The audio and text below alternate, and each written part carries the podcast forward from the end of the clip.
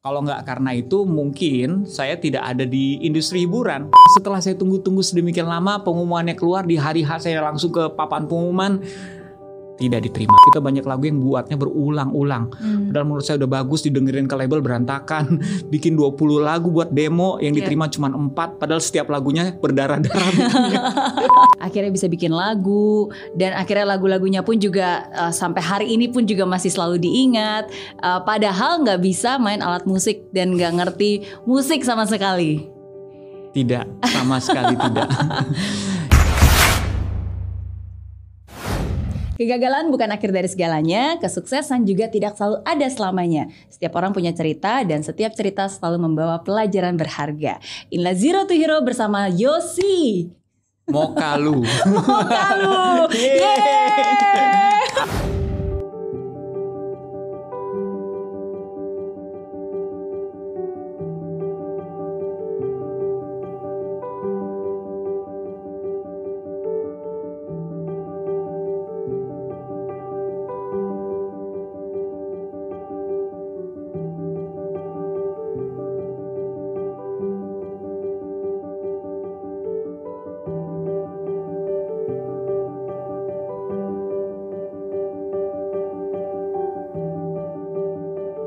Akhirnya.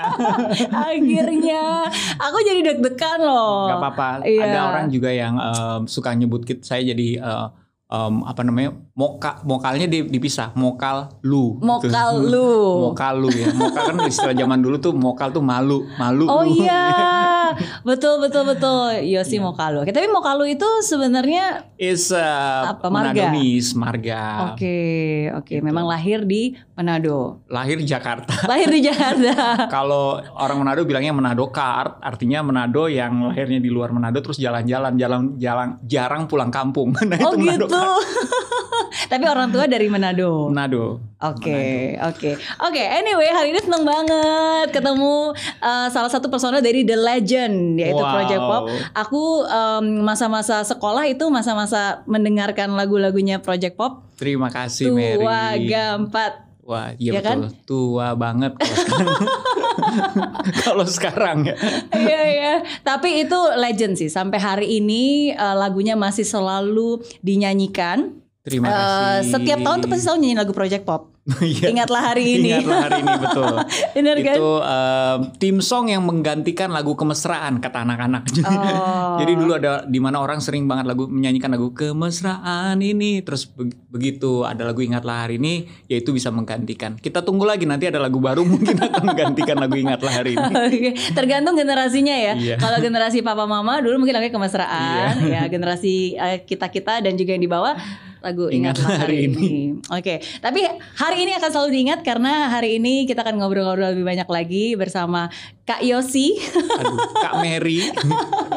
Oke, dan di Zero to Hero ini kita selalu em, saya saya pribadi selalu percaya sih bahwa nggak ada yang kebetulan. Yes. Eh, ya itu tidak ada kesulitan yang abadi dan Mhm. at the same time juga nggak ada kesuksesan yang selalu abadi dalam arti kita selalu berada di atas terus Ya. pasti akan ada naik turunnya pasti akan ada prosesnya dan hari ini saya pengen belajar banyak dari Yosi gimana sih caranya untuk bisa bertahan dan bersabar dan berproses gitu Ya. oke pertama em, eh, kalau dari sejak project pop itu berarti dari sejak tahun berapa nih 96 kalau nggak salah ya Project Popnya 96. Yes. Hmm. Project Popnya 96 tapi em, kalau dibicarakan eh, asal mulanya itu kan ada Padiangan and Hmm. then ada Project P Mhm. and then barulah Project Pop muncul. Hmm. Begitu. Padiangan sih lebih jauh lagi usianya. Iya iya. Oke. Cuman orang suka mixed up maksudnya Hmm. antara apa sih bedanya Padiangan, Project P, Project Pop, Kelap Project. Wow. Oh iya. Apa bedanya? Kelap Project yang pasti udah paling nggak be- paling nggak nyambung. Iya iya. Iya kan, tapi memang bedanya lebih kepada eh, generasinya saja. Mhm. Padiangan tuh awal mulanya di mana eh, mahasiswa, pajajaran dan parahyangan mereka membentuk sebuah komunitas yang berkarya lewat kabare dan parodi. Hmm. And then itu eh, disukai and then berkembang menjadi em, Project P ya. Saya kalau nggak salah sih, saya memang tidak terlibat di masa-masa Padiangan memisahkan diri sebagian menjadi Padiangan, sebagian menjadi Project P. Hmm. Ya, saya bergabungnya setelah sudah berpisah. Dulu sempat ikutan Padiangan waktu mereka eh, melatih kabarnya di kampus Hmm. gitu. Tapi itu ada ceritanya sendiri sih. Kalau nggak karena itu mungkin saya tidak ada di industri hiburan Iya, iya. Gitu. Semua kalau misalnya kita ngelihat nih rencana dari dari sejak awal hidup kita sampai sekarang itu kesannya kayak banyak belok-beloknya. Tapi kalau kita ngelihat ke belakang ya semua itu memang bagian dari rencana Tuhan. Exactly. Iya kan? Iya. Oke. Nah, yang pertama, pertama kali aku tahu Yosi itu dari kecil sebenarnya sudah tahu apa bakatnya, udah tahu apa yang dia suka, udah tahu apa yang dia bisa. Yaitu eh, ternyata suka menggambar dan bisa menggambar. Iya, Dan memang pengen ditekuni untuk menjadi ya at least bidang seni rupa lah. exactly. Iya. Terus kenapa berbeda? Ya begini, jadi kan itu kayaknya sih semuanya menjadi sebuah eh, apa ya pemikiran yang umum ya. Hmm. Orang kalau kita tanya anak-anak sekarang nih, kamu mau sekolah di mana? Hmm. Ya kan, kamu mau melanjutkan sekolah di mana? Hmm. Kuliahnya di mana? Pasti semuanya akan melihat apa yang mereka eh, miliki. Artinya strength mereka di mana? Pasti berangkat dari situ kan. Oh, saya Hmm. kayaknya kuatnya di menggambar, saya kuatnya di em, matematika, saya kuatnya di di mana gitu. Yang menjadi kekuatan mereka lah yang akan mereka jadikan pilihan. Iya, betul. Saya mau merencanakan kehidupan saya seperti ini karena saya sudah tahu saya sudah punya dasar di sini. Iya. Ya sama, waktu itu saya pikir karena saya jago menggambar, pilihannya cuma satu tadinya, cuman cuman di Fakultas Seni Rupa dan Desain ITB. cuman itu aja.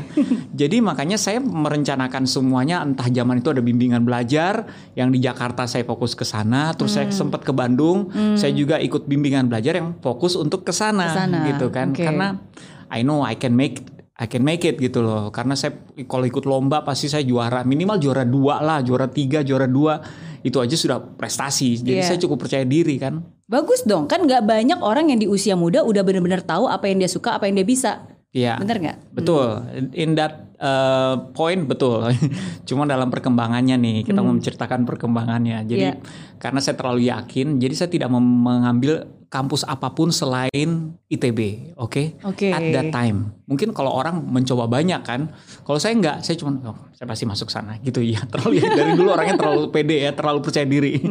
And then uh, apa yang terjadi di hari terakhir yang supposed to saya bisa pulang ke Jakarta hari itu, orang tua saya bilang gini, udah deh satu lagi deh, kamu buat jaga-jaga. Hmm. Masa kamu lagi di Bandung, kamu nggak pengen sekolah di tempat lain gitu, ya kan? Orang tua saya ngomong kayak gitu. Sedangkan saya sudah bilang sama mereka saya nggak tertarik di Jakarta, saya mau Di keluar dari Bandung. Jakarta, saya mau ke Bandung deh. Bandung kayaknya enak nih gitu. Iya. At that time saya enak sih belum macet.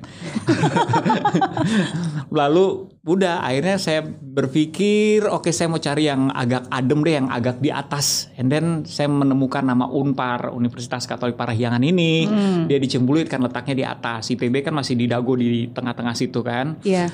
Ya udah saya ya udah Unpar aja deh udah kita ke Unpar dan eh, saya menemukan lapangan basketnya oke baik Oke. Kalian tuh ketertarikan saya tidak sama sekali dengan kampus dan mata pelajarannya loh pada saat itu masih kepada bentuk-bentuk luarnya saja. Oke. Terus waktu itu Unpar belum banyak bangunan-bangunan tingginya, so you can eh, ini ya menikmati Bandung, pemandangan Oh, Bandung. Asri ya masih Iya, ini. kelihatan Bandung dari atas itu tidak Hmm. tertutup oleh gedung-gedungnya. Sekarang udah banyak gedung. Jadi wah ini I love this. Gue suka nih, gue mau di sini ah. Baru saya cari fakultasnya, kira-kira fakultas apa yang cocok. Jadi bentuk fisik, lokasi ya. Suasana dulu. Suasana gitu. Oke, ya udah cari fakultasnya. Oh, saya kayaknya mau coba hubungan internasional nih namanya ada internasional internasional. I, I think I can relate to this gitu loh. Iya. Jadi benar-benar pilihannya itu tidak berdasarkan interest actually ya, maksudnya uh, ya interest yang di- dimunculkan di saat-saat terakhir. Oke, kalau saya harus memilih yang yang paling memungkinkan mana ya ya udah yang ini gitu. Iya, Hubungan iya. internasional di Fakultas Ilmu Sosial dan Politik. Dan itu yang terjadi. Akhirnya keterimanya di situ. Di ITB? di ITB nggak keterima. Setelah saya tunggu-tunggu sedemikian lama pengumumannya keluar di hari H saya langsung ke papan pengumuman tidak diterima, nggak ada nama saya. Malah teman-teman saya yang saya ingat nih kalau lomba gambar di bawah-bawah saya nih menangnya malah keterima semua. Apa-apaan ini?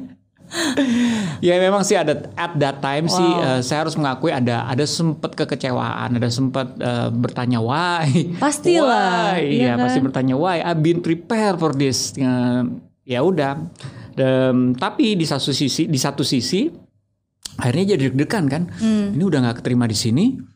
Gimana kalau di Unpar nggak keterima juga? Iya. ya kan artinya saya mesti nganggur setahun nih berarti nggak kuliah. Yang karena- udah yakin aja ternyata nggak diterima. itu ya kan? dia. Tapi memang ternyata Tuhan berencana berbeda. Uh, saya diterima di Unpar. Hmm. Saya diterima di Unpar. At that time saya kan belum melihat puzzle-nya. Hmm. But now I can see the puzzle. Jadi yang saya terangkan adalah kayak gini. Mungkin saya nggak mengerti kenapa saya punya talenta menggambar, tapi saya diterimanya di hubungan internasional gitu Iya. kan. Tetapi sekarang banyak sekali uh, pelajaran bahkan skill atau talenta yang saya kuasai. Kalau saya tidak masuk ke HI, saya belum tentu menguasai that skill. Hmm. Justru karena saya masuk ke sana, it's about how God prepare us actually. Iya. So I can see that gitu loh. Karena keberadaan kita di satu titik itu pasti ada hubungannya dengan bagaimana persiapannya dan Yeah. Tuhan mempersiapkan saya. Nah sekarang kan saya misalnya contoh, oke sebelum ke sana, um, kenapa I can see the biggest point I can tell you this is the puzzle of my life kan? Yeah. Karena ternyata untuk urusan project pop ini harus lewat unpar. Jadi Oke. gini, Padiangan itu mencari kader waktu Hmm. belum mereka belum pisah ya, belum Hmm. pecah nih. Hmm. Mencari kader itu eh, di specifically dua tempat, Pajajaran Hmm. dan Universitas Katolik Parahyangan, FISIP. Hmm. Jadi benar-benar spesifik. Kalau di luar itu misalnya saya hukum, belum tentu tuh. Iya. Saya arsitek, saya ekonomi, Belum apa- tentu. Belum tentu. Dia FISIP. Kenapa Oke. demikian? Karena ada yang namanya malam kesenian, malam keluarga em, Unpar. Semua fakultas itu mengisi Hmm. dan FISIP selalu mengisi kabare. Oke. Dilatih oleh Padiangan. Oke. Yang dipilih ya Wow. tentu saja anak-anak yang diperhitungkan tidak memiliki rasa malu ya, bukan tidak memiliki kemaluan, tidak memiliki rasa malu itu artinya bisa beda soalnya. iya iya iya. Jadi ya dia- terpilihlah dari angkatan saya, saya juga sa- bersama Tika Panggabean kan kita satu angkatan. Satu angkatan ya? Satu angkatan. Oke. Kita main kabare. Setelah itu udah saya that's it. Saya tidak pernah lagi berhubungan dengan Padiangan. Mungkin sekali-sekali pernah diajak ikutan ngeramein nonton kabare atau main kabare, tapi Hmm. saya tidak merasa harus bergabung ke sana. Tidak merasa at that time. Saya sibuk di kampus sendiri. Saya sibuk di organisasi, di senat, di himpunan, di BPM, di mana-mana tuh. Sibuk jadi tim basket. jadi sibuknya yang kayak gitu kayak gitu gitu kan. Iya iya. And then uh, satu hari ketika saya sedang sibuk bersama teman-teman dari Kanisius ya, saya bukan lulusan Kanisius, Ah. tapi di sana banyak di angkatan saya anak Kanisius. Oke. Kita bikin band namanya Kani Plus. Oke. Kanisius Plus yang bukan Kanisius saya. Suami saya alumni Kanisius by the oh way. iya iya. Cuman ada alasan anak kenapa namanya band. Kani Plus. Iya, iya, Jadi iya. sebenarnya bukan itu. Alasannya karena kita bawain lagu Kus Plus. Oke. kita bawain lagu Kus Plus dengan eh, apa nama gimmick-gimmick kita pakai Iya, wig, iya. pakai batik gitu. And eh, ternyata audiens suka. Kita suka bawa di acara-acara kampus tentunya. Aha. Lalu di situlah dilihat kembali oleh Project P. Jadi mereka sudah Pisah. pisah dengan Padiangan. Hmm. Mereka sedang besar-besarnya namanya Project P karena punya acara di SCTV eksklusif waktu itu acara Hmm. parodinya. Zaman itu sebelum Extravaganza mungkin itu yang lagi you know lagi booming di TV. Hmm. Mereka butuh banyak talent untuk membantu karena modelnya kan kayak gitu ya cerita. Jadi nggak bisa cuma pemeran utamanya saja, tapi Yeah. mereka butuh. Jadi diajaklah Oke. diajaklah saya karena ada itu. Mereka ngelihat saya manggung di studio Is Bandung. Waktu itu masih ada studio Is Bandung. Di acara kampus juga bilang ayo yos main-main ke kantor. Bilang gitu. Ya udah saya iseng-iseng main-main ke kantor. Nggak ada even waktu main-main ke kantor pun nggak ada pikiran mau mau akan jadi apa. Nggak cuman main-main aja. Tapi itu menariknya. Makanya saya bisa menjelaskan it's a puzzle of my life. Akhirnya semuanya berhubungan kan kalau saya nggak main-main ke kantor saya nggak pernah ada di sini Iya. saya nggak pernah ada di mana lokasi saya berada saat ini. Jadi I can always trust God from that point. Berarti benar kita percaya sama Tuhan, pilihan Dia pasti yang terbaik buat kita. Hmm. Nah, yaudah saya main ke kantor, mulai dari situ terus tuh saya menemukan ke gairah baru ya. Kalau saya kan basket, eh, apa namanya gambar, tadinya cuma sampai situ kan. Iya. Eh, Nge-rap juga sometimes. Nge-rap juga. Oke. Nge-rap di kampus itu bareng Iwake dulu, Iwa kan bareng-bareng di Unpar juga. Tapi Satu angkatan juga. Satu angkatan. Iwake uh, mungkin kalau Mary kenal Adere, Adere juga Adere satu juga satu angkatan. Adere juga satu angkatan. Oh, wow. Cuman Adere akhirnya pindah ke UI. Oke, Dia oke. pindah ke UI. Keren-keren ya kampusnya ya. Banyak orang-orang he- hebat di situ. Iya ya lumayan ya. iya. kebetulan kali ya. Oh nggak ada yang kebetulan ya. Kamu nggak Nggak ada percaya kebetulan. Jadi semua orangnya. Iya, jadi ya itu eh, karena suka nge-rap, mungkin salah satu alasan juga akhirnya ketika Project P decided untuk regenerasi. Mhm. Sebenarnya mereka sudah regenerasi dalam pertunjukan panggung, tapi dalam industri rekaman, Hmm. recording and industry ini kan berbeda ya. Mereka mesti memilih lagi orang-orangnya untuk eh, bisa eh, ada di industri rekaman. Hmm. Yang dipilih yang punya latar belakang menyanyi, yang punya latar belakang performance, ya. Jadi nggak semuanya menyanyi tuh kita bertuju. Tapi ya akhirnya saya terpilih. Itu is a privilege for me karena saya tahu di saat itu saya bukan orang yang bergabungnya sudah lama. Saya termasuk yang baru bergabung baru setahun. Sedangkan yang bergabung udah lama lebih banyak gitu. Anggotanya ada 30 lebih waktu itu Project P.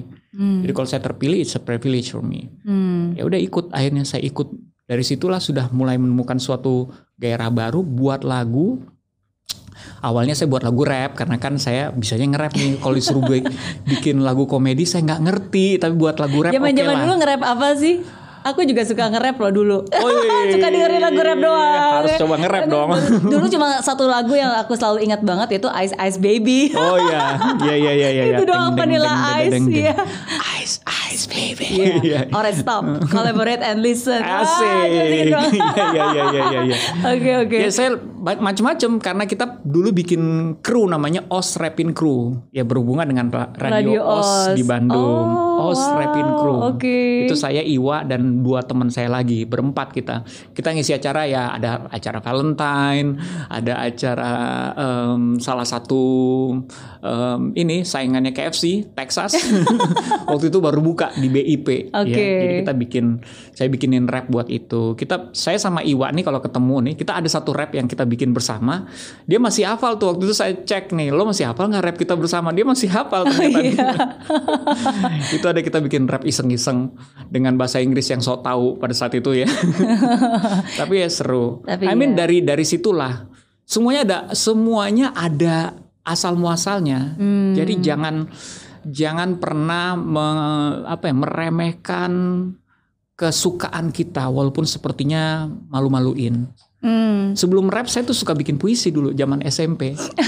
Dan itu ada masa-masa di mana teman-teman saya ngeledek aja, "Ih, lo cowok bikin puisi nggak jelas, sok-sok romantis atau sok-sok apalah gitu." Iya. Tapi ketertarikan saya sama, saya sama puisi bukan sekedar mencari nyawa dari kalimatnya, tapi eh, rhyming kan belakangnya Hmm. tuh kebanyakan puisi tuh biasanya rhyming belakangnya sama Betul, gitu, rema gitu kan. Betul. Dan kalau rap pun juga yang bagus kan, eh, maksudnya ada beda tipe ya, tapi kan at least Iya. bisa rhyming juga is one of the art kan. Exactly. Makanya I can always explain kalau orang nanya, kalau bisa bikin lirik seperti itu, Hmm. karena I can see myself, oh nggak tiba-tiba kok ternyata itu ada ada asal muasalnya. Dulu Iya. saya suka bikin puisi dan bikin puisi kan harus dirasa ya. Iya. Ini kalimatnya romantis nggak? Ini kalimatnya dalam nggak? Hmm.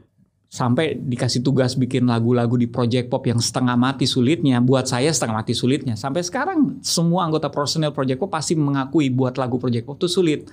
Karena kita harus lucu, harus kreatif, you know, tapi tidak boleh terlalu cheesy. Lucunya bukan lucu yang kayak gimana. Hmm. That's hard. Itu standar yang sulit. Kita menyulitkan diri kita sendiri sebenarnya. Tapi itu satu hal yang menurut saya luar biasa. Em, bagaimana seorang Yosi, eh, ya again, it's a puzzle of your life gitu kan. Mungkin tadi suka bikin puisi, suka nge-rap, akhirnya bisa bikin lagu, dan akhirnya lagu-lagunya pun juga eh, sampai hari ini pun juga masih selalu diingat. Eh, padahal nggak bisa main alat musik dan nggak ngerti musik sama sekali. Tidak, sama sekali tidak. Iya. Itulah makanya gini, ya makanya semuanya itu em, kalau misalnya ini harus dibagikan, Hmm. saya percaya begini.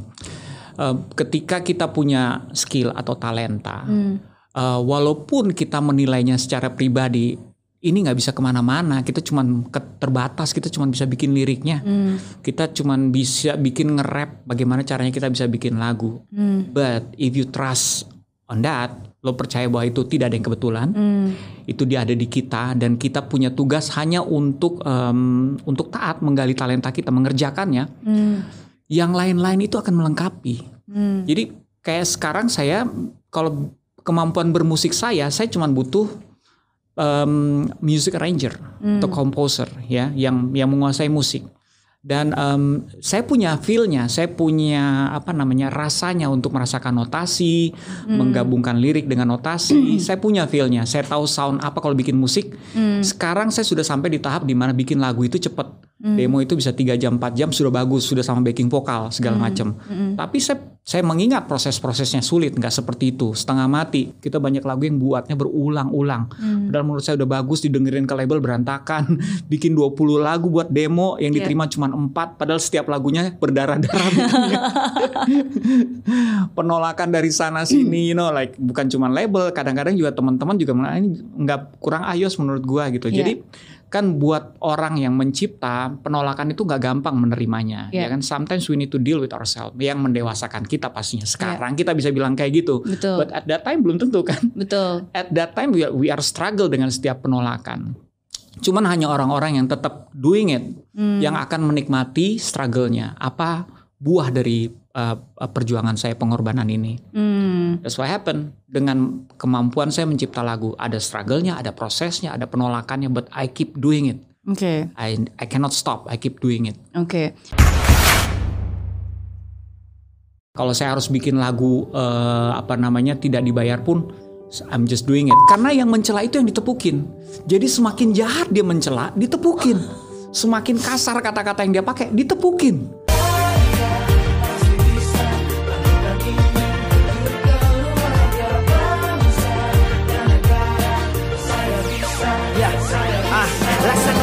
Tanpa hujan, hidup tanpa tujuan, kering dan mati tanpa hijaunya tumbuhan. Ah, demikian kalau mimpi tak kunjung terjadi.